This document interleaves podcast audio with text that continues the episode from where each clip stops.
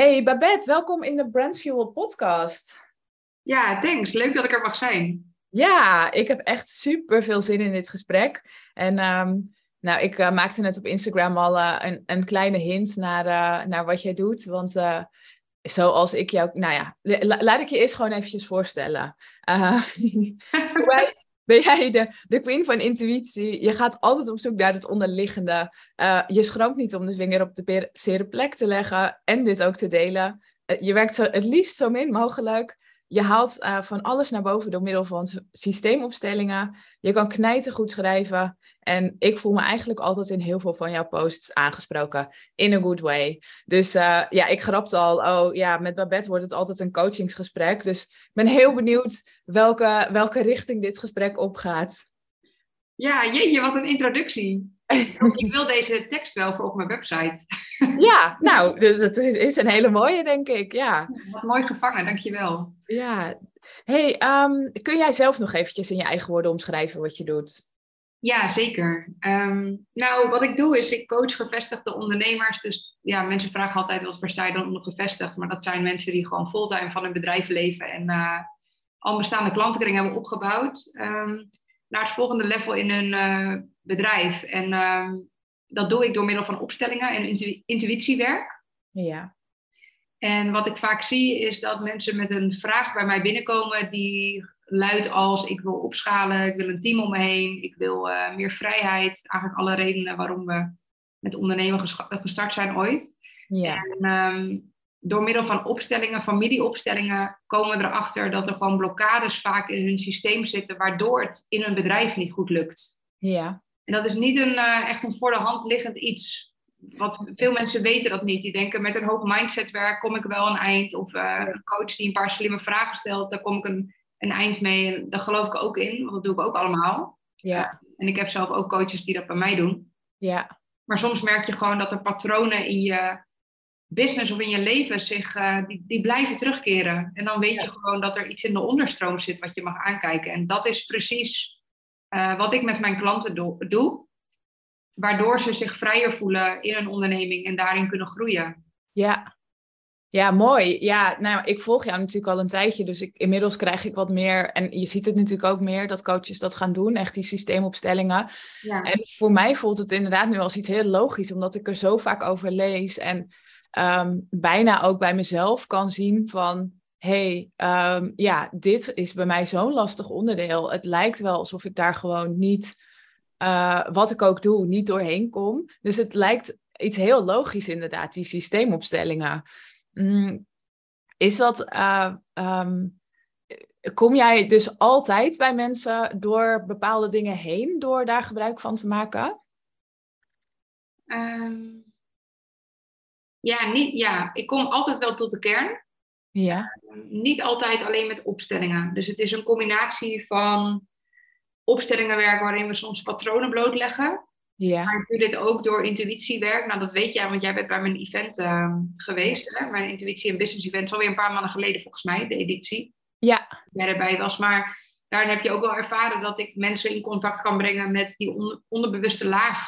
Ja. Door ze in complete ontspanning te brengen. En daar liggen soms ook heel veel antwoorden en inzichten opgeslagen. Ja, precies. Wat ik eigenlijk doe is altijd maatwerk. Ik heb ook niet een, een one size fits all van als je dit doet, dan werkt dit. Daar Nee. geloof ik ook helemaal niet in. Nee. Um, dus bij de ene klant zal je zien dat, ja, ik heb het voorbeeld wel eens eerder genoemd, maar een klant kwam bij mij binnen die zei, joh, Babette, ik wil gewoon opschalen. Ik heb al een goed lopend bedrijf en ik verdien al 10.000 euro in de maand, maar ik wil gewoon meer, want ik, ik voel dat er meer in zit. Ja. En, um, uh, zij ondernam al zes of zeven jaar, best wel een tijd, had een goede klantenkring opgebouwd, goede naam ook in de branche waar ze in werkte. Ja. En toch lukt het haar niet.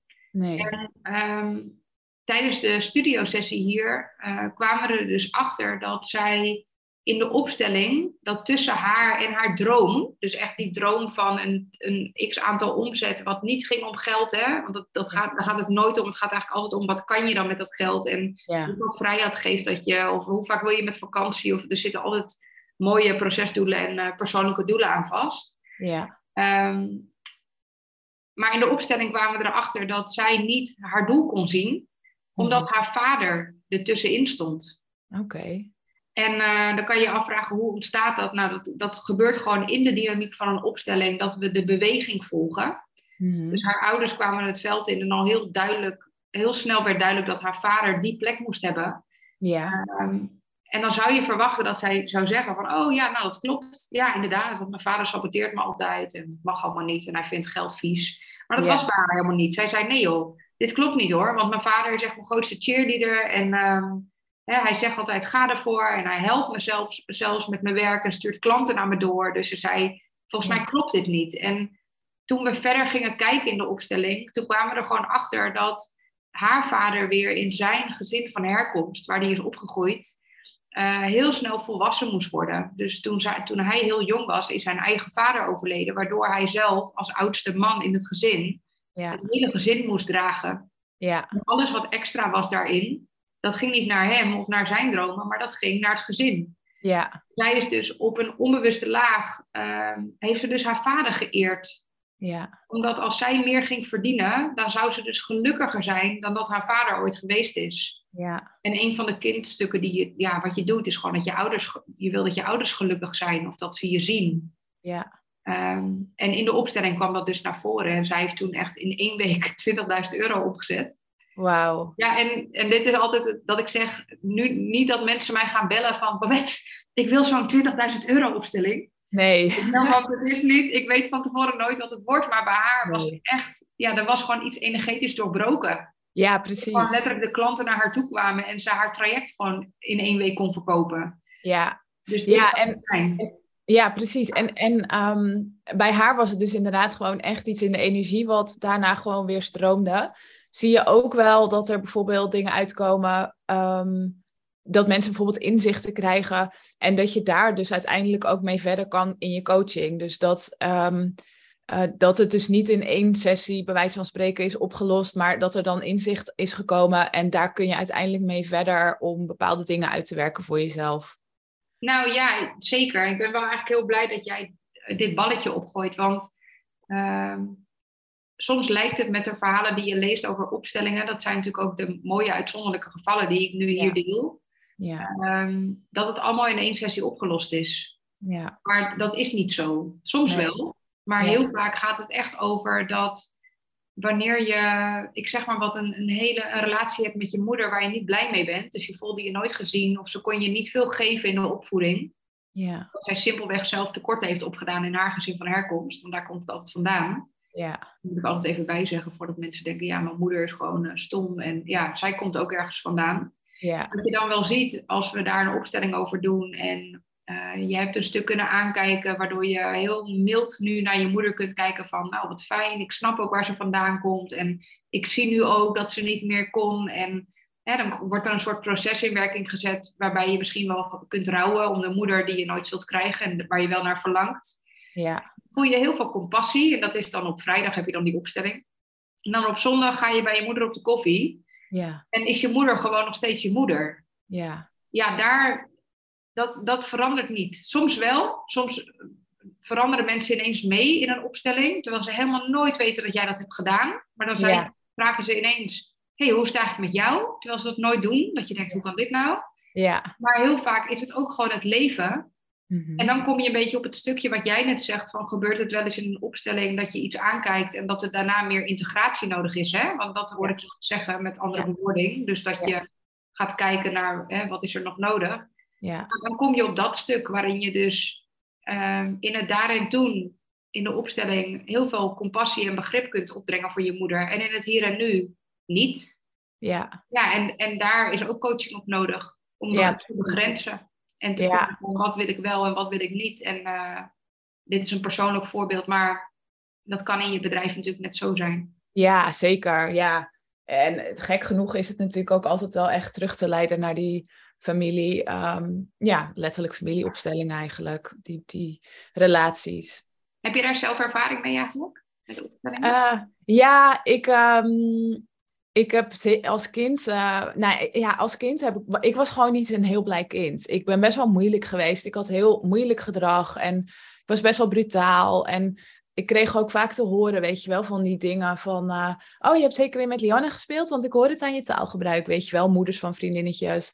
Of eh, weet je wel, bijvoorbeeld ook echt eh, docenten van de lagere school... die dan tegen mijn moeder hadden gezegd van... nou, we weten niet wat er van haar terecht moet komen... maar we wensen je veel succes met haar. Dat. Ja. Ehm, en dat, dus dat heb ik zelf jarenlang ook, heb ik mezelf gezien als een, ik ben een vervelend iemand, want da- daarin werd ik natuurlijk altijd bevestigd. Ehm, en eigenlijk pas toen ik volwassen werd, en ik denk pas eh, sowieso echt later, echt rond mijn 25ste, dat ik dat met wat meer compassie naar mezelf toe ben gaan zien. En vooral ook, ik ben rond mijn vijftiende wel echt met spiritualiteit en zo in aan- aanraking gekomen. Dat ik eh, eigenlijk toen ook meer ging zien van, hé, hey, ehm, er waren gewoon bepaalde dingen met mij aan de hand. ehm, die ik ja, die ik zelf eigenlijk niet eens kon plaatsen, maar die volwassenen in mijn omgeving ook niet konden plaatsen. Ik had bijvoorbeeld heel veel moeite met autoriteit en zo. Ehm, en ik bijvoorbeeld nu zie ik ook weer mijn neefje, het, het eh, zoontje van mijn zus, die heeft heel erg mijn gedrag van vroeger. En nu ik natuurlijk weer een stap verder in mijn volwassenheid ben, kan ik daar weer met andere ogen naar kijken en herken ik er natuurlijk heel veel in. Ehm, en ja, vind ik het oprecht gewoon zo sneu voor hem, omdat ik natuurlijk herken ehm, wat dat. Ja, het is net alsof je in een lijf zit wat niet van jou is. Je hebt gewoon heel vaak dan. Ik had heel vaak gedrag waarvan ik zelf ook dacht: ja, ik weet ook niet waarom ik zo doe. Maar het was gewoon ook een bepaalde mate van gevoeligheid die ik had, die. ehm, nou ja, je hoort dat toch ook wel als mensen, intuïtieve mensen hoor je dat vaak zeggen van, ja, ik, eh, volwassen hoorde ik heel vaak dingen zeggen, maar ik voelde iets anders. Ja, dat had ik ook vaak. Dat je dan, eh, onderstroom eigenlijk, hè, dat gevoelige dat je eigenlijk tussen de regels door kon horen of voelen wat mensen daadwerkelijk bedoelden. Was dat het? ja, zeker, ja. En ja, weet je, op een gegeven moment als kind raak je natuurlijk daarin steeds verder verward, omdat je eigenlijk heel vaak de bevestiging krijgt van, nee hoor, dat wat jij voelt, dat klopt niet. Ehm, dus dat heeft heel lang geduurd voordat ik daar weer bij kon komen. ehm, dat dat dus wel klopt. En dat mijn intuïtie eigenlijk een van mijn grootste assets is. En dat ik dat eh, juist nu heel erg goed kan gebruiken in mijn werk en in de dingen die ik maak. En ehm, dus in die zin, eh, zeker de relatie met mijn ouders en dan vooral met mijn moeder. ehm, ja, herken ik echt wel dingen die, eh, ehm, ja, die, die nou ja, vooral vroeger heel ehm, moeilijk waren. En gelukkig heb ik nu een hele goede band met mijn ouders. En eh, eh, zij passen ook een dagje op Harvey. Dus dat gaat al allemaal hartstikke goed. Ehm, maar dat zijn denk ik wel dingen die je dus heel goed met opstellingen ook ehm, ja, kan verwerken. Of een plekje kan geven. Of in ieder geval inzicht in krijgt van hoe die dynamiek dan werkt. Ja, nou zeker als jij dat stuk zo hebt ervaren, hè, dus ergens je onbegrepen hebt gevoeld, bijvoorbeeld. Ja, Dat het wel zo was, maar dat in het gezin dat er bijvoorbeeld geen plek, geen ruimte voor was. Soms kan dat gewoon dat het niet mocht, maar ook soms omdat mensen gewoon, je ouders, echt niet weten hoe ze daarmee om moeten gaan. Ja, Zeker wel een opstelling heel helend werken, omdat je ook leert zien, eh, nou vaak vanuit, vanuit een volwassen stuk. ja, Dat is wel eens wat ik in opstellingen doe, dan zet ik een kindstuk erin, maar ook een volwassen jij. En dan kun je gewoon eens kijken naar dat stuk. En Ja. kun je ook zien waar de tekorten, waar je die hebt opgedaan. En ehm, nou, wat misschien nog wel, wat misschien wel een heel mooi haakje is om, eh, om op in te gaan. ehm, als je het hebt over de wereld en over hoe mensen naar je kijken, is dat een van de dingen die ik ook vaak in opstellingen voorbij zie komen, is dat mensen bijvoorbeeld moeite hebben met hun podium pakken of echt te zeggen, hier ben ik. ja, En ehm, ik vond dat Els van Stijn, die heeft dat heel mooi in haar boek De Fontein ook eh, volgens mij omschreven. ja, En ehm, wat zij ook zegt is de manier waarop mensen naar jou kijken als jij bijvoorbeeld een zaal binnenkomt. Dus stel je bent op, nou je was op een event of je bent op een bruiloft of op een feest en je komt binnen en, en mensen kijken naar je. Mhm, Hoe die ogen staan en hoe die mensen naar jou kijken en dat gevoel wat het jou geeft, dat weerspiegelt de relatie die jij in de onderstroom hebt met je moeder. oh, Dus heel vaak is het zo dat als je je onbegrepen voelt, of de ogen kijken een beetje nijdig of eh, bozig, of hé, hey, jou hoort hier niet, of, eh, of juist heel vriendelijk en je voelt je heel erg welkom in een groep. ja, Dat, dat legt al een, een stuk bloot van de relatie die jij dus hebt met je moeder. En dat gaat niet per se over het hier en nu, nee, Want ik weet toen ik ooit mijn opleiding deed met opstellingen, toen was een van de eerste die, dingen die ik zei in de groep waar ik zat van, ja, ja, verstrikkingen zitten dus in het hele systeem. Ja, oké. Nou, ik denk dat ik geen gedoe heb hoor in mijn familiesysteem, zei ik toen. Want ja. ik heb een hele goede relatie met mijn moeder, zei ik toen, en met mijn vader en met mijn oudere zussen. Dus ja, er is natuurlijk wel eens wat gedoe in de familie, maar ik heb niet het idee dat het mij beïnvloedt. Nou, en ik geloof dat ik diezelfde, ik geloof een uur later, dacht ik echt, oké, nou, misschien is het toch wel zo. Weet je wel, dus heel vaak kijken we naar dingen die in het hier en nu gebeuren. Ja. En in het hier en nu zijn. En zeggen we, nou, we hebben op zich wel een goede band. Ja, dat is fantastisch. Ja. En er zijn gewoon honderdduizend miljoen miljard dingen in je systeem die ooit een keer als een soort ballon onder water zijn geduwd. Ja, klopt. Omdat het er niet mocht zijn. Omdat het gewoon in die tijd, ja, denk aan oorlog, denk aan dingen met de kerk, denk aan miskramen, abortussen, huiselijk geweld. Weet je, allemaal dingen waarvan je vroeger zei, ieder huisje heeft zijn kruisje, maar we hangen de vuile was niet buiten. Ja, precies. Want de mensen het maar niet zien. Al die dingen die poppen weer een keer omhoog. Uh, Op een ander moment. Dus het kan zomaar zijn dat het twee generaties overslaat. Ja. Maar het systeem wil, ja, misschien voor mij is het heel vanzelfsprekend, maar misschien een stukje context. Het systeem wil heel zijn. Jouw familiesysteem wil heel zijn. Dus als daar iets in buiten gesloten wordt, aan daderschap, aan miskramen, abortussen, uh, slachtofferschap bijvoorbeeld, wat natuurlijk ook in de oorlog veel gebeurde. Ja. En daar werd nooit over gesproken. Dan kan het zomaar zijn dat twee generaties later uh, iemand ineens in het systeem geboren wordt. Dat kan jij zijn, dat kan ik zijn. Dat is puur willekeur. Ja. Die echt kampt met gevoelens van uh, ik mag hier niet zijn. Ja. Bijvoorbeeld. Of ik hoor eigenlijk niet te leven. Omdat bijvoorbeeld, weet ik veel, in de oorlog uh, daar iets gebeurd is en nooit verwerkt is. Of zelfs een abortus die keer op keer van moeder op dochter, oma, moeder, dochter wordt doorgegeven. Dat er heel veel miskramen zijn of abortussen in het systeem. Ja. Zelfs dat kan systemisch zijn. Ja. Ja. Hey, en merk jij bijvoorbeeld ook um, dat, ja, ik, ik merk dat dit soort dingen dus heel erg ook juist als ondernemer naar boven komen. Omdat je natuurlijk ja, continu wordt getriggerd om jezelf inderdaad te laten zien, om dingen te ondernemen, om nieuwe dingen te ontwikkelen. En voor mij zijn dat ook wel echt uh, één op één dingen waarbij dus uh, heel erg wordt blootgelegd wat je onzekerheden zijn of waar je angsten zitten. Of, uh, um, ja. ja, toch? Ja soms vraag ik me wel eens af van ja, loop je ook zo erg tegen deze dingen aan als je niet onderneemt? Als je, ik bedoel, ik kan me voorstellen dat je binnen een bedrijf uh, dat ook misschien hebt als je steeds een stapje verder en hoger wil. Um, maar dit lijkt wel gewoon zo inherent te zijn ook aan het ondernemen, dat hele uh, zelfontwikkelingsstuk. Nou ja, ik, vind dat, ik ben het helemaal met je eens. Ik voel dat ook. Ik denk dat in loondienst kan je nog best wel verschuilen achter bijvoorbeeld uh, dat er wordt gestuurd op aanwezigheid in plaats van op de impact die je maakt. Ja. Um, of dat je je kan verschuilen achter iets, of je best wel veilig kan voelen in een team. Ja. Wanneer er nou. vallen, dan pakt iemand anders dat op. En in je bedrijf, ja. is dat niet, tenzij je een team om je heen hebt. Precies. Maar alles wordt uitvergroot. Alles wat in jou nog te helen is, of waar jij moeite mee hebt, ja. dat wordt in je bedrijf, ja, dat is onlosmakelijk met elkaar verbonden. Dus ik ja. heel erg wat je zegt, ja. Ja. Hey, en um, nou ja, ik denk uh, dat mensen die jou kennen, die weten hoe grote rol intuïtie heeft in jouw leven en in je werk. Um, hoe, want jij hebt inmiddels natuurlijk een hele mooie toolkit ontwikkeld met allerlei ja, technieken die je kan toepassen en dingen die je doet. En ja, ik zie jou ook altijd wel als iemand die uh, uh, ja, de gevoel volgt, hè, je, je impulsen volgt.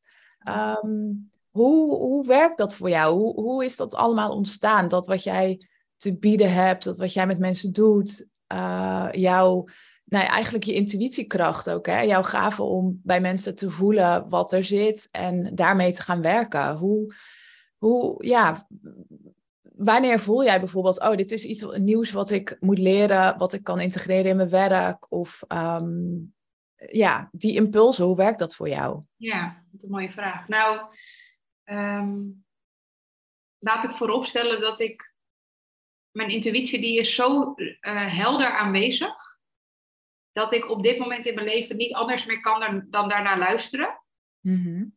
Um, en dus ja, hoe werkt dat voor mij? Ja, dat, dat heeft echt te maken met dat het zo'n sterke impuls is die ik volg. Mhm. En dat ik, dat ik niet anders kan dan, dan daarnaar luisteren. En dat is wel een proces geweest. En dat was niet eens zozeer mijn eigen proces, als in, ik had daar zelf moeite mee om daarnaar te luisteren. Maar ik merkte toch, dat is ook een van de dingen waar mijn klanten tegenaan lopen. Op het moment dat je een impuls krijgt om iets te doen. Of bijvoorbeeld in mijn geval, ik had een ondernemende vrouwentraining. Daar ben ik ooit, uh, ik denk vier jaar geleden mee gestart. Ja. Supergoed. Dat was denk ik nou 50.000 euro per jaar zet ik daarmee op. Dus dat was echt niet mis. En op het hoogtepunt daarvan eigenlijk, toen het heel goed liep en het net een beetje bekendheid kreeg, toen voelde ik dus, ik mag stoppen Ja. hiermee. En dat kwam gewoon uh, in me op toen ik aan het schrijven was. Hè. Dus ik schrijf elke dag, ik journal elke dag om gewoon te voelen van, hé, hey, waar, waar loop ik mee? Wat zit er dwars? Ja. Wat wil er in mij naar buiten komen? Mhm. En ik schreef toen op, stoppen met de ondernemende vrouwentraining, vraagteken. Ja. En, en toen dacht ik, uh, ja, Oké. nou, dan gaan we dat maar doen. ja. Weet je wel? En dat, Ja. ik ben ook echt letterlijk zo online gegaan. Nou, dat gaan we dus maar doen. Terwijl Ja. je dat twee jaar geleden op mijn bordje neergelegd, had ik het niet gedaan. En waarom niet?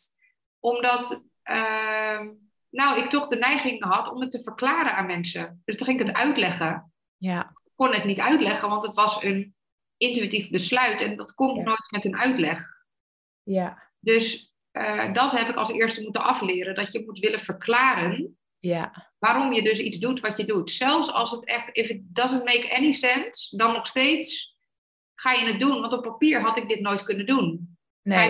50.000 euro omzet, een training die zichzelf verkoopt en die ik ook wel leuk vond. Het kostte me wel veel energie. Ja. Dat was dan dat ik dacht, nou, dan, waarschijnlijk moet het daarom of zo. Ja. Op het moment dat ik daarmee stopte, eh, kwam ik erachter dat ik eh, twee weken later was ik zwanger. Oh, wauw. Ja, en heb, dit, ik besef nu, dit heb ik eigenlijk nooit meer gedeeld. Ik heb eigenlijk alleen maar gedeeld, ik ga stoppen en ik weet niet waarom. Ja. En twee weken later dacht ik, ah, weet je wel, ik eh, ben gewoon een mensje aan het maken. Ja. Maar mag gewoon die kracht naar binnen, in plaats van dat ik dingen ga doen die energie uit me slurpen. Ja. Ehm, dus ja, dat wa- kwam ook kwam niet als, hè, dat was een beetje donders, donderslag bij heldere hemel. Want zoals je weet, we zijn drie jaar onderweg bezig geweest om überhaupt zwanger te worden. En ik wist niet dat Noortje ooit nog zou komen. Ja. Inmiddels bijna 15 maanden. Maar toen ik zwanger eh, raakte, toen waren we al bijna drie jaar bezig. Dus het was ook niet dat ik dacht, ah, nou, ik zal nu wel ongeveer zwanger zijn, want we, we zijn vorige maand gestart met proberen of zo. Ja, precies. De hoop was eigenlijk vervlogen en ineens voelde ik, ik mag stoppen hiermee. Ja. En ja, hoe dat dus werkt voor mij is dus zo. Dus ik krijg iets door, zo noem ik het dan. En dat is niet vanuit een soort higher power of iets wat ik gemanifesteerd heb. Het komt echt vanuit binnen. Ja. Ehm, en dan luister ik. Als ik het niet begrijp, dan luister ik nog steeds. Ja. Hoe onpraktisch het ook lijkt. En ik heb daar geen uitleg bij. Nee. Ik kan je ook niet vertellen waarom of zo. Het is gewoon voor mij de enige manier. Ja. Ja, mooi. Ja, en eigenlijk zeg je hier ook al iets anders moois. Want, ehm, nou ja, ik noemde het net al eventjes. Jij kan gewoon heel goed schrijven. Ehm, ik heb het idee dat jij gewoon altijd heel goed in het hoofd van jouw aller eh, leukste klant kan kruipen. En daar eh, precies de woorden aan kan geven die, denk ik, bij heel veel mensen resoneren. Ehm, hoe doe je dat? Is, ja, nou, hoe doe je dat eigenlijk gewoon? Ja, nou, dat, dat is echt een heel. ehm, ja, dus eigenlijk gewoon een heel saai antwoord. Ik weet het eigenlijk niet hoe ik dat doe. nee, jij gaat gewoon zitten en dan ga je gewoon schrijven wat er in je opkomt. Ja, het, kijk, natuurlijk zijn er wel dingen die mij inspiratie geven. Soms misschien leuk om te noemen dat alle posts die je van mij leest op Instagram, die zijn allemaal in het moment ontstaan.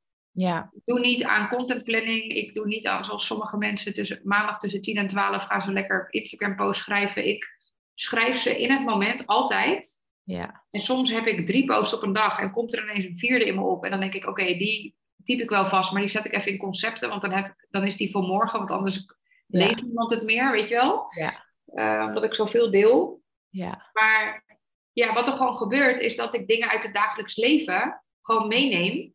Ja. Dat ik, eh, wat al een grote inspiratiebron voor mij is, zijn mijn eigen klanten. ja, Er zijn inmiddels, ben ik zeven jaar ondernemer en ik merk gewoon dat de mensen die ik aantrek, dat zijn mensen die heel bewust zijn in persoonlijke ontwikkeling. Die voelen dat ze het allemaal wel zelf kunnen doen. Dus heel verantwoordelijk zijn, maar niet alleen willen doen.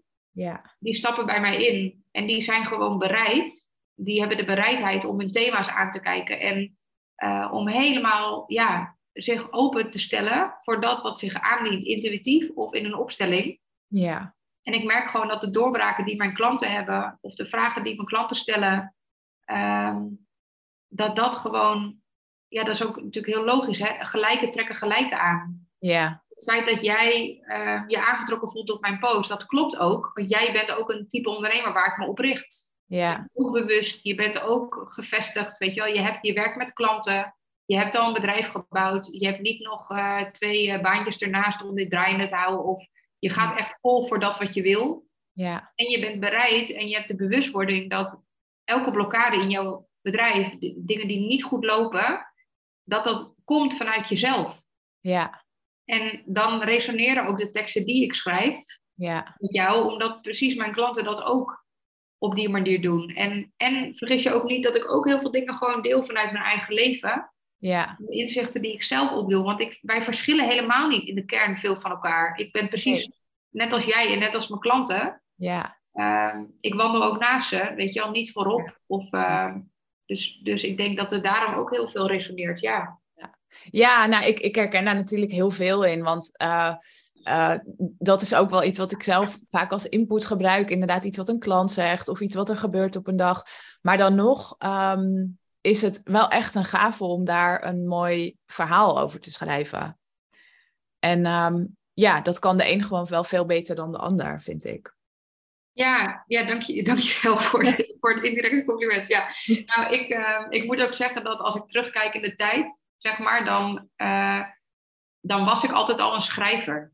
Ja, dus want dat, jij, dat ja, ook... ik heb jou ook wel eens gehoord inderdaad over. Volgens mij wilde je journalistiek gaan doen, maar was daar iets mee? Um, ja, dus... ik, ja, dat klopt. Wat grappig. Dat is, echt, dat is echt heel lang geleden volgens mij dat ik dat gedeeld heb. Maar ik voelde inderdaad wel van ik wil schrijven. En ik had voor een aantal bladen of zo had ik wel eens geschreven. Of voor marketingbureaus of weet ik veel. Toen was ik echt 15 of 16. En toen vroeg iemand een keer, wil je een column schrijven over het verschil tussen mannen en vrouwen?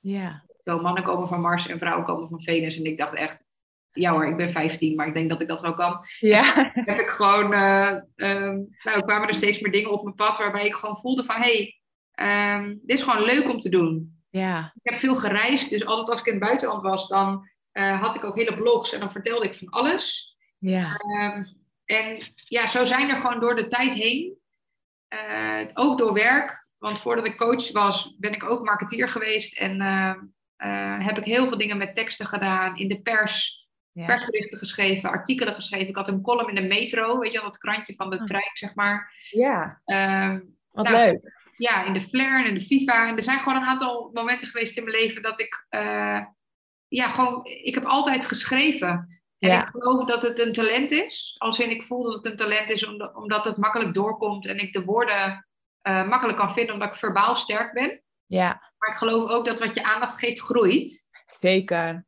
En, en ik denk dat ik het gewoon heel veel aandacht heb gegeven. Ja, ja. ja zeker. Ja, nou absoluut. Het, ja, het is zeker iets waar je beter in kan worden. Maar het is ook absoluut iets waar je gewoon een beetje een gave voor moet hebben, denk ik. Um, ja, um, nou ja, je, je gaf al aan van, uh, ja, ik, ik volgde gewoon, ik, ik was er goed in, ik vond het leuk, ik ging dat gewoon doen. Um, nou las ik laatst in een post van jou dat um, jij geeft uh, events voor best wel veel mensen. Um, ik was laatst bij een event van jou, volgens mij waren daar iets van 50 mensen. Ja, om en nabij, klopt ja. Om en nabij, ja, precies. En nou ja, het gebeurt jou wel eens dat mensen dan na zo'n event naar je toe komen en dan zeggen, ik kan dit ook. en dan zeg jij gewoon heel uh, droog, nou, doe het dan. Um, maar ik ben dus wel benieuwd bij jou, hoe, uh, want het is nou, dat is best wel stoer. Gewoon zo'n event organiseren voor zoveel mensen. Erop vertrouwen dat je dat vol krijgt. Uh, en er gewoon gaan staan. Hoe werkt dat voor jou? Dat je dat soort, nou ja, toch wel in mijn ogen een beetje bold moves maakt. Um, ja, ja, dat, ja, hoe werkt dat voor mij? Ja, dat, dat valt of staat dus weer met een gevoel van dit wil ik doen. Mm -hmm. En um, ik geloof dus dat iedereen dat kan. He, dus dat, dat is ook waar mijn posten over ging. Dat mensen inderdaad of met veel woorden of met niet zoveel woorden um, zeiden van ik kan dit ook. En dat ik dan ook echt zeg, ja, ik geloof dat jij dit ook kan. Ja. Ik kan dit en ga het dan doen. Want het enige Ja. verschil tussen jou en mij is dat ik zeven jaar geleden hiermee begonnen ben. Ja. En van mezelf mocht groeien. Weet je wel? Dus Ja. iedereen is altijd een work in progress. Dus je hoeft niet af te zijn of je hoeft niet een compleet verhaal te hebben. Als je het gaat doen, dan ga je het leren. Ja. En, en dat is gewoon waar ik mee gestart ben. Een paar jaar geleden eh, gaf ik gewoon masterclasses voor eh, soms 15 mensen. Ja. eh, of webinars. Of ik ben gewoon gestart met ja, wat ik denk dat, dat waarde heeft voor mensen. En Ja. ik hou gewoon echt van mensen in beweging krijgen. En simpelweg de makkelijkste manier om dat te doen. Ik heb nu naast één op één coaching heb ik een groepstraject, maar er zitten ook maar drie mensen in. De Mhm. makkelijkste manier voor mij om veel mensen te bereiken die anders misschien nooit met mij zouden werken, omdat mijn trajecten bijvoorbeeld voor hun niet haalbaar zijn qua prijs, Mhm. is om een event te organiseren en mensen toch eh, inzichten te geven. Dus dit voelt ook voor mij als iets van, ik voel me thuis op een podium. Ja. Dat heb ik wel moeten leren, want ik was vroeger echt het meest verlegen meisje van de klas. Ik werd overal rood om en ik schaamde me al als ik een, als ik een regel moest voorlezen uit een boekje. Als de juf zei, "Bette, lees jij maar voor. Dan dacht ik, nee, ik moet naar de wc nu, weet je wel. Oh ja. ik vandaan. Ja. Dat ik op een gegeven moment dacht, ja, ik wil me niet verstoppen. Ik Ja. ga dit gewoon doen, want volgens mij is het leuk. En volgens mij kan ik heel veel mensen in beweging krijgen. En dat is nog steeds mijn grootste drijfveer. Ja. Sterker nog, ja, jij zegt nou nog een grote groep mensen, 50 mensen. Ja, ik denk echt, ja, ik vind het dus helemaal niet veel, 50 mensen. Ja, mooi. Ja, dat, dat is dus waarschijnlijk ook gewoon jouw geheim. Dat, dat je dit gewoon gaat doen en denkt, oh ja, maar nou, ik vind 50 helemaal niet zoveel. Want jij krijgt dat gewoon organisch vol, toch? Nou ja, maar dat is ook wel eens anders geweest. Nu, ehm, nu loopt het goed. En nu eh, heb ik vaak binnen drie dagen de helft van de zaal vol. Ja. Ehm, maar dat heeft er ook mee te maken dat ik me nu dus zeg van nou, ik doe ongeveer 50 plekken, 50 tot 70 plekken. Ja. Ehm, terwijl ik ook wel met het idee speel om hier naast mijn huis zit de Flint. Ja. Ehm, een eh, groot theater waar, waar ze ook plekken hebben met 200, 300 tot 1000, 1500 stoelen. Ja. Waar ik van de week wel een call had met mijn team. Gisteren was dat. Toen zei ik ja, ik wil gewoon de Flint vullen. Ja. En, en eigenlijk niet over drie jaar, maar het liefst gewoon over een half jaar. Ja. Dan is er wel echt iets anders nodig. Ja, precies. En de reden kan dan, ehm, ja, dan kan ik zeggen, ja, 50 mensen bewegen is heel mooi. En ik vind dat nog steeds hoor, want elke ziel is er één. Als ik jullie op de borrel daarna spreek en ik zie dat iedereen geraakt is en doorbraak heeft, denk ik echt, ja, jeetje, wat prachtig. En tegelijkertijd denk ik, ik kan ditzelfde voor 4000 mensen, want het maakt niet uit hoeveel mensen er in de zaal zitten. Ja. Het gaat om de bedding creëren. Ja. En voor mij, dat is ook soms het nadeel, maar het kan dus voor mij nooit groot genoeg Nee. die impact. En dat is soms Ja. ook heel vermoeiend. Ja. Uh, maar ik voel dus ook wel intuïtief dat ik dat dus heel graag zou willen doen. Ja, ik dwaal een beetje af, hè, maar ja. Nee, nee, helemaal niet. Want ik ben juist hier, hier nieuwsgierig naar. Ehm, eh, en ik, ik denk namelijk dat dit voor veel ondernemers gewoon best wel ehm, dingen zijn.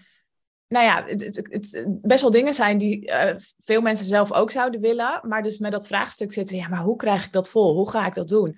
Als ik bijvoorbeeld vanuit mezelf beredeneer. Ik heb twee weken geleden mijn eerste live dag uh, georganiseerd. En Um, ik vind het dus oprecht best wel moeilijk om daar content omheen te creëren, om mensen daar dus enthousiast voor te krijgen. Ondanks dat ik zelf helemaal geloof in de waarde van die dag en wat ik met ze ga doen. En ik heb uiteindelijk de dag nu met twee mensen gedraaid en daar kreeg ik hele mooie feedback op. Ja. Um, maar daar zit, daar voel ik bij mij wel degelijk een soort van blokkade. Dat ik denk van nou, als ik dat, uh, als zou ik bijvoorbeeld alleen al tien mensen die dag willen hebben. Um, dat is al voor mij een soort van heel lastig haalbaar. Dus in die zin uh, ben jij gewoon heel goed in dat grote denken. En zie je dat dus veel meer vanuit, oh ja, ja, maar ik vind het eigenlijk maar 50 mensen. Um, dat is gewoon denk ik een verschil. Ja, en daar verkoop je ook nog steeds geen kaartjes mee, hè? Dat moet ik ook zeggen. Want als, je, als ik zeg, nou, ik zou het ook voor 4000 kunnen. Ja. Ze kunnen en, en willen en die zaal vol krijgen, zit ook nog wel een verschil. Dus ja, precies. Maar wat, wat, wat, is dan dat, wat is dan dat verschil? Want hoe lukt het jou dus toch om, uh, uh, nou ja, in je content denk ik, in, in gewoon je manier van communiceren en misschien ook wel in, in de manier hoe je met mensen connect, uh, ja, om dat vol te krijgen. En dus ook het vertrouwen in jezelf te hebben dat je dat dus ook nog acht keer zo groot neer kan zetten. Ja, nou mooie vraag. Ik ben wel heel erg benieuwd, waarom heb jij je kaartje gekocht? Want ik denk dat daar ook heel veel antwoorden al in zitten. Wat maakte dat jij voelde dat je erbij wilde zijn? Um, voor mij was dat, um, nou, ik denk uh, dat ik, ik vond het leuk om jou een keer live te zien. We hadden natuurlijk al eventjes contact via Instagram af en toe. Um, en ik dacht, ja, ik ben eigenlijk wel gewoon nieuwsgierig naar hoe je zo'n dag vult, wat je doet. nou, ik vond het leuk om jou bezig te zien. Uh, ook wel benieuwd inderdaad wat, er, wat zo'n dag mij dan kan opleveren. Maar vooral ook wel vanuit het oogpunt van, oh ja, omdat jij dus heel erg op dat intuïtiestuk zit en ik dat zelf ook heel erg in mijn werkwijze integreer, vind ik het ook gewoon vaak leuk om bij andere ondernemers dat soort dingen te doen, om mezelf ook gewoon verder te ontwikkelen. Mooi ja, een stukje inspiratie eigenlijk ook te halen uit van, hey, hoe doe jij dat? Hoe, uh, hoe is je marketing om zo'n dag heen? Hoe, uh, ja, wat, wat is de inhoud van je programma? Hoe werkt dat daar? En ja, ik vind het heel knap ook van jou dat je gewoon inderdaad ervoor zelfs en daarna gewoon met mensen uh, aan het praten bent en ja, gewoon heel persoonlijk bent.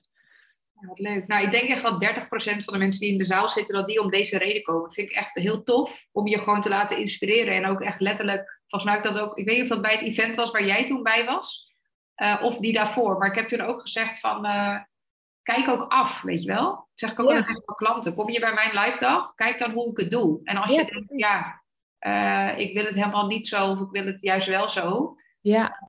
neem dat mee, want ik heb het wiel ook niet uitgevonden. Nee.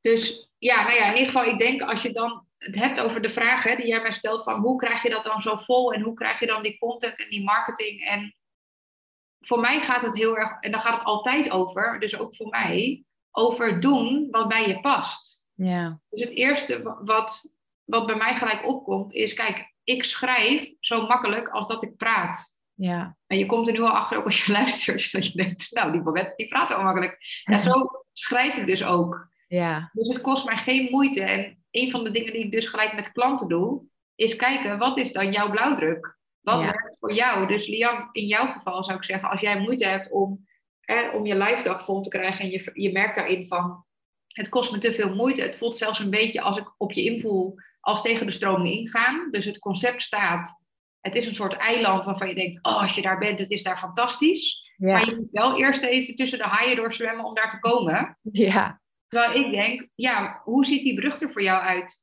Wat als, als het een Lianbrug mag zijn? En wat als jij op jouw manier mensen triggert om bij je event aanwezig te zijn? Ja.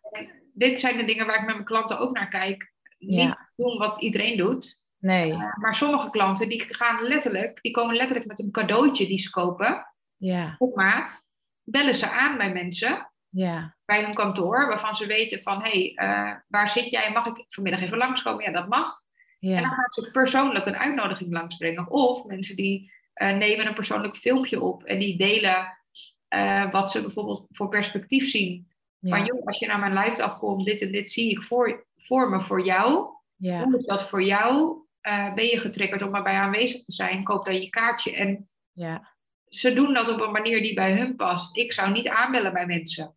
Nee. Ik neem gewoon een podcast op of ik stuur iemand een direct message op Instagram als ik denk, volgens mij moeten wij een keer bellen, want ik Precies. denk dat het je heel goed zou kunnen helpen. Ja. Um, maar ik ben heel benieuwd, wat zou er dan bij jou passen? Als ja. ik coach, dat doe ik nu toch een beetje, daar was je bang voor. Volgens mij is het wel heel helpend, maar dan denk ik, ja, wat als het helemaal op de Dian manier mag? Wat zou ja. ik dan doen? Ja, nou, ja, ja daar, daar ben ik inderdaad het afgelopen jaar heel erg ook uh, met Digna natuurlijk mee bezig geweest. Ja. Um, nou ja, onder andere heb ik mijn podcast om die reden gelanceerd, omdat ik inderdaad wel heel makkelijk praat, iets minder makkelijk schrijf. Um, en het leuke daarvan is dat ik nu ook steeds meer ga zien van, hey, ik merk bijvoorbeeld dat al steeds meer ondernemers zelf aangeven van, oh leuk Lian, ik wil ook een keer bij jou in de podcast. Maar ik zet hem dus zelf ook um, wat strategischer ga ik hem inzetten. Dat ik dus gewoon met mensen in gesprek ga waarvan ik denk, ja, dat, is, dat vind ik zo'n leuke klant om mee te werken. Dus um, nou ja, deze. Um, ik ben nu ook begonnen met het organiseren van lunches. Ik uh, heb een plek in de Ademtoren in Amsterdam. En ja, dat is gewoon een super mooie plek. Uh, een leuke, inspirerende plek voor ondernemers om, om daar langs te komen. Um, en ik hou dus wel van die uh, ik, ik heb gewoon soms een beetje moeite met de online ehm, connecties. Of in ieder geval heel erg online met mensen in verbinding zijn. Um, dus eigenlijk om die reden dacht ik, ja, hoe kan ik dat wat meer naar offline trekken? Nou, dat doe ik dan dus door, door die lunches te organiseren. Um, dus dit zijn eigenlijk voor mij meer manieren hoe ik het voor mezelf leuker maak. En ja, hoe dat voor mijn gevoel wel meer past bij wie ik ben. Uh, en dat ik op de lange termijn dus met dit soort uh, dingen, um, ja, dus ook meer uh, ja, eigenlijk laat zien van hé, hey, maar trouwens, um, dit is ook wat ik doe en dit kun je bij mij doen. Meer op die manier, denk ik. Wat mooi. Nou, wat ik heel tof vind is, dan moeten we echt nooit vergeten dat het hier en nu is alles wat er is. Dus als we nu bezig zijn met, ik ga toch maar even tien posts schrijven, eigenlijk tegen mijn zin in, tegen ja. in, want ik moet mijn event vol krijgen. Dan verlies je zoveel kracht in het hier en nu. Want hoe je één ding doet, is hoe je alles doet. Daar geloof ik in. Dus als jij voor jezelf kunt zorgen dat jij een optimale dag creëert, ja. je gaat elke werkdag opnieuw voelen van waar heb ik vandaag zin in, waar heb ik behoefte aan. Ja. En op welke manier zou ik op mijn lijfdag willen volkrijgen als echt alles mogelijk zou zijn. En je gaat dat doen. Ja. Dan zal je ook zien dat je op een. Dat is ook hoe ik mijn events nu volkrijg en hoe mijn klantenstroom vrij consistent is. Dat komt gewoon omdat ik alleen maar tijd en aandacht besteed aan de dingen die er voor mij te doen en die ik leuk vind. Ja, precies. ik geloof dat dat dan ook uitstraalt. Ja. Ik heb ook wel eens een K-dag. Hè, dat Ja. laat ik wel zien op Instagram. Dat ik echt denk, nou, ik ben vandaag zagrijnig. Als je me ziet, rol me in een dekentje en gooi chocola naar me. Maar over het algemeen ben ik gewoon super in mijn hum. Ja. Gewoon alleen maar dingen doe met mensen Ja. die ik leuk vind. En dat gaat niet alleen maar over nieuwe ballen aanpakken waarmee je kunt jongleren. Maar dat gaat echt over je eerst afvragen welke ballen heb ik eigenlijk vast. Ja. In plaats van alleen maar bezig te zijn met die ballen in de lucht houden. Dat je echt kijkt naar waar gaat mijn tijd dan nu heen? Ja. Als ik geen ruimte heb. Wat mag ik neerleggen? Waar mag ik mee stoppen? Ja. Ehm, want waar, waar lekt de energie uit? Heel Ja. vaak heb je dat eerst nog te doen voordat je ruimte hebt om, eh om Zeker. op je eigen manier te gaan doen. Ja, en dat vind ik dus ook echt onwijs de toegevoegde waarde van werken met een coach. Want ik heb aan het begin van, van mijn traject met Digna ook bij haar aangegeven van... Oh, ik, eh, vond, ik heb zo vaak dingen ingewikkeld gevonden, ook op school en zo. Ik was dan soms weer dat ik dan andere dingen had gedaan dan de rest van mijn klas, omdat ik dan gewoon verkeerd had gelezen, weet je wel. Ik las dan ergens, je moet dit, dit en dit doen. Maar dan had ik dus iets heel anders gelezen dan wat er stond. En dan kwam ik daar weer op die manier achter. En zo ehm, heb ik gewoon ook wel, ja, ik heb gewoon moeite gehad met die eenheidsworst waar je eh, in opgeleid wordt en in af moet studeren. En eh, daarin eigenlijk zo mijn eigen weg kwijtgeraakt. En ehm, bij Digna zei ik ook van, ik ben, oh, het voelt zoveel lichter nu ik gewoon kan gaan doen waar ik goed in ben. En inderdaad, wat jij ook zegt, gewoon je joy volgen. Waar word je blij van? Hoe wil je het? En dat heb ik gewoon heel lang niet gezien. En dat vind ik wel echt het, ehm, ehm, het voordeel van werken met een coach. Dat je dus eigenlijk veel sneller eh, naar dat soort dingen gaat kijken. Van hé, hey, waar ben je nou eigenlijk goed in? Waar eh, word je blij van? Hoe zou je het willen? En dus op die manier alles gaan inrichten. En ja, daarin zie ik echt al zo'n onwijs verschil met een jaar geleden. Ja, wat mooi. Ja, Ik denk echt dat je aan Digna echt wel een goede hebt. Want zij durft ook gewoon wel dingen te benoemen of te zeggen.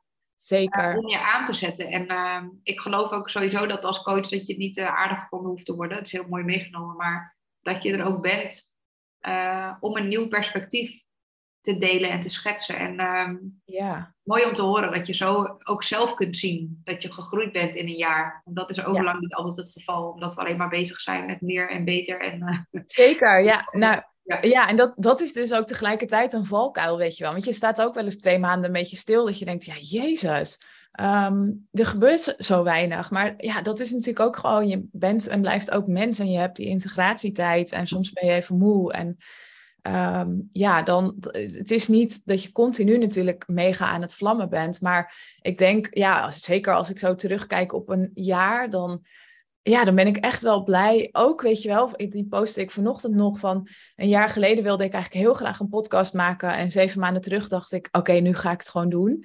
En ehm, als ik nu, weet je, nu, vanochtend had ik oprecht zin in dit gesprek met jou. eh, waar ik zeg maar in mijn eerste interview echt nog er zo tegenop zag dat ik er gewoon geen zin in had. Weet je wel, dat gevoel. Ik kan wel echt, als ik dingen uit mijn comfortzone doe, ehm, dan, dan kan zich dat, dat uit zich vaak een beetje dat ik er geen zin in heb, omdat ik het gewoon spannend vind. En nu, uh, ik heb er gewoon zoveel plezier in om in het maken en ehm, ook oprecht in het connecten met degene waar ik mee in gesprek ben.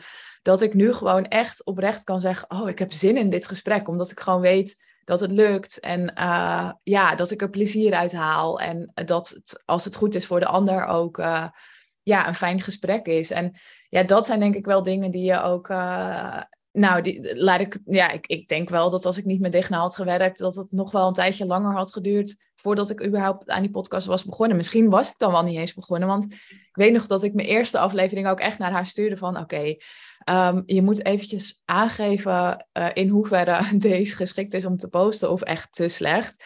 En toen zei ze ook van, weet je, Lian, het maakt niet uit. Hij is goed genoeg. Je gaat hem gewoon posten.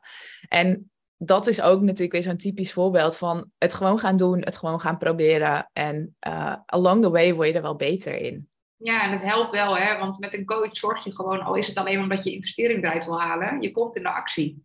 Precies, en dan maakt het niet uit of je soms, hè, dat is eigenlijk wat je net, ik denk een minuut of twee geleden zei over soms sta je aan en soms is het rustig. En, ja. en dat, is ook, dat zijn ook de seizoenen in jou, weet je wel. Dat is ook waar ik zelf heel erg naar leef en ook wat ik zie bij klanten. Je kan niet altijd in je lente zitten. Nee. Je, of in je zomer en helemaal vlammen en gewoon alleen maar creëren en out there zijn. Soms is het gewoon een moment van bezinning, van herfst, van, van winter, dat je lekker op de bank zit met een dekentje en een kop thee. Ja. En die momenten kent je business ook. En zodra je dat kunt gaan voelen en ervaren, dan durf je dus ook meer te vertrouwen ja. dat het zich wel weer gaat aandienen. Ja. En sterker nog, ehm, dat is ook echt wel één tip die ik zou willen meegeven, is kijk bij jezelf ook eens of je, niet alleen bij jou Lian, maar gewoon bij iedereen die luistert, of je daar een patroon in kunt herkennen van mhm. wanneer jij in welk seizoen zit. Dus soms zijn het er vier in één week. Ja. Maar soms merk je gewoon dat uh, ik heb altijd het moment, wat is het, februari, maart ja. van elk jaar is het bij mij rustig geweest de afgelopen vier jaar. En dat weet ik alleen omdat ik het heb uh, vastgelegd. Ja. En uh, het is niet dat het dan een self-fulfilling prophecy wordt, zo van oh ik ga maar niks doen, want het zal wel weer rustig worden. Ja. Maar ik weet dus wel dat in maart, april de hele boel weer aantrekt. En dat ik dan altijd denk van jeetje, hoe ga ik het bol werken? Ja. Want er is zoveel te doen. Ja. En dat gaat ook gewoon over wanneer je gevestigd bent uh, en je hebt die ervaring.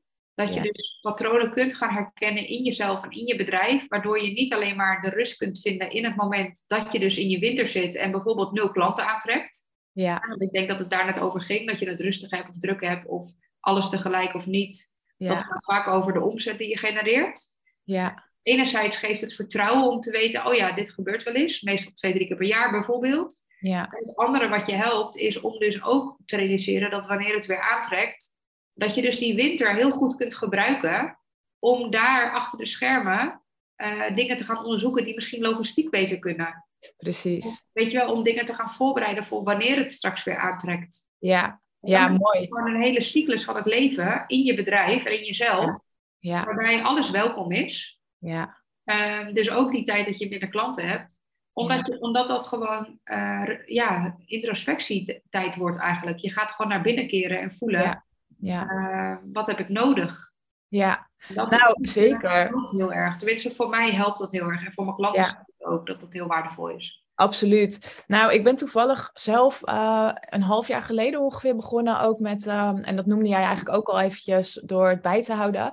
Um, maar ik hou dus uh, want voor die momenten dat ik dus wel eens twijfel van, oh, doe ik de acties wel? Heb ik wel genoeg gedaan? Of als het dan inderdaad rustig is qua omzet of klanten, um, dan, dan, zeker als dat wat langer duurt, dan ga ik mezelf vaak ook afvlammen. Weet je wel, ja, maar je doet ook niet dit en je hebt ook niet dat gedaan. Um, dus ik ben gewoon een tijdje geleden begonnen met uh, wekelijks of maandelijks bijhouden uh, wat ik dan doe. En het scheelt voor mij ook al heel veel als ik gewoon zie, hey, ik heb de acties wel gedaan. Alleen ja, er komt even wat minder respons op. Dan, dat helpt heel erg om gewoon zacht naar mezelf toe te kunnen blijven. Van uh, ja, je hoeft niet meteen um, lelijk naar jezelf toe te worden, omdat je business even wat rustiger draait. Nou, super mooi. En ik denk ook een van de dingen die je hier tussen de regels door ook zegt, is ook als, je, als er een moment komt in je bedrijf dat je niet kunt oogsten, ja. blijf dan zaaien. precies. Want daar gaat het om, weet je wel. Zaaien kun je altijd.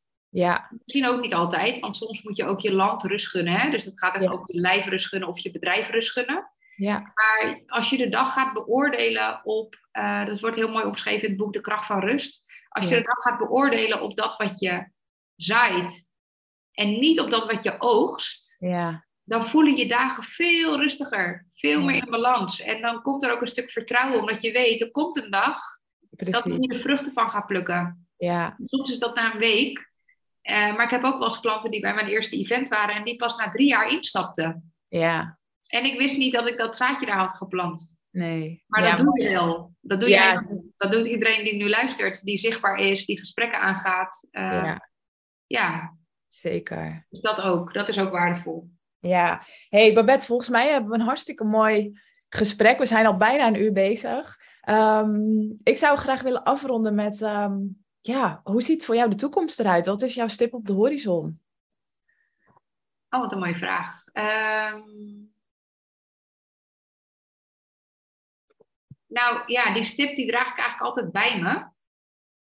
Als in het hier en nu is voor mij echt alles wat er is. Ja, Dus als ik kan blijven doen zoals ik, wat ik nu doe, dus niet inhoudelijk, dat, dat mijn dagen exact hetzelfde eruit zien. Maar als ik over 10 jaar, 15, 20 jaar nog steeds zo gelukkig opsta elke ochtend. En mijn leven zo in balans is als nu. Even los van waar ik dan woon, wat voor werk ik dan doe, met wie ik werk, welke klanten ik help, of, hoe, of ik een team heb of niet. ja, Eh, dan ben ik gelukkig. En dat, Ja. dat zit hem voor mij echt in de balans tussen werk en thuis. Hè, Ja. Dus met de komst van Noortje is, is dat ook wel echt in perspectief gezet. Dat ik gewoon die balans nog meer heb.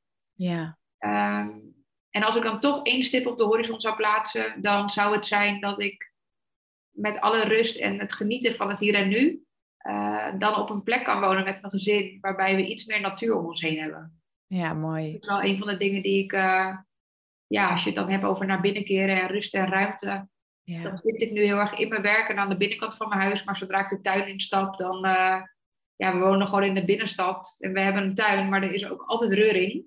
Ja, En iets meer rust om me heen zou ik heel fijn vinden. Dus nu zoek ik dat nog in andere dingen, die rust. Maar als we een, eh, een huis hebben in de natuur, dan eh, zou voor mij het plaatje wel eh, ja, wat completer voelen. ja, mooi. Nou, dat lijkt me een hele mooie les eh, ehm, om mee af te ronden ook. En ehm, eh, waar kunnen mensen jou vinden? Op Instagram, Babette Tasserom, wel gewaarschuwd, want ik ben heel aanwezig. Dus eh, mensen kunnen niet om mij heen. En eh, verder is het misschien leuk om een haakje te delen dat ik, eh, ik weet niet wanneer de podcast online komt, maar 24 januari is mijn volgende intuïtie en business event, waar jij destijds ook heen bent geweest. Dus Ja. als mensen dat leuk vinden of geïnteresseerd zijn, kunnen ze op uh, babettasserom.nl uh, ja, wat informatie daarover vinden. En nog meer leuke dingen, zoals een kaartendek dat ik aan het maken ben, wat er ook aankomt volgend jaar. En, Ja, het is gek. Die heb ik ook besteld. ja, oh wat leuk. Oh, dat wist Ja. ik niet. Ja, ja, heel tof. Ja, wat lief van je. Nou, dan maak je bij deze ook de funding mogelijk, want het is nu nog Ja. een pre-order. Hij komt uh, in maart uh, volgend jaar, wordt hij als het goed is uh, gelanceerd. Maar dankjewel, superleuk. Ja. Nou, ik heb hem dus na mijn lijfdag besteld. Want to toevallig uh, vroeg uh, een andere ondernemer via Instagram... Lian, wat geef je jezelf cadeau dat je dit hebt gedaan vandaag? En toen kwam, ik jou, uh, toen kwam jouw card deck voorbij. Toen dacht ik, oh, dit vind ik wel een heel mooi cadeautje om mezelf te geven. Oh. Dat ik dit oh, heb nou, oh, dat vind ik heel mooi ook, deze betekenis. Ja. Wat leuk. Ja. Hey Babette, um, super bedankt voor dit mooie gesprek. Dat je zo open bent geweest. En um, ik heb uh, ervan genoten. Ja, ik vond het heel leuk dat ik mocht komen. En uh, wat ik altijd nog belangrijk vind als het gaat over systemisch werk en over de dingen die ik zeg. Ja. Vaak word je geraakt, hè, iets in jou. Dus als ik zeg, als je in de zaal in kijkt, en dat zijn de ogen van je moeder. En ik weet gewoon dat er daar vragen uit kunnen ontstaan. Dus als mensen luisteren en denken, ja, uh, wat de F, weet je wel, wat bedoel je nou precies? Ja. Um, weet, dan wil ik dat ze de ruimte voelen om me gewoon even een bericht te sturen op Instagram, want ik licht het met liefde toe. Ja, mooi. Dankjewel, Lian. Heel leuk. Ja, jij ook bedankt, Babette.